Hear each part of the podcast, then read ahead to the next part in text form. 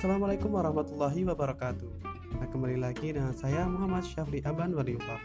Nah, teman-teman, saya ingin bercerita mengenai situasi uh, pandemi seperti ini ya.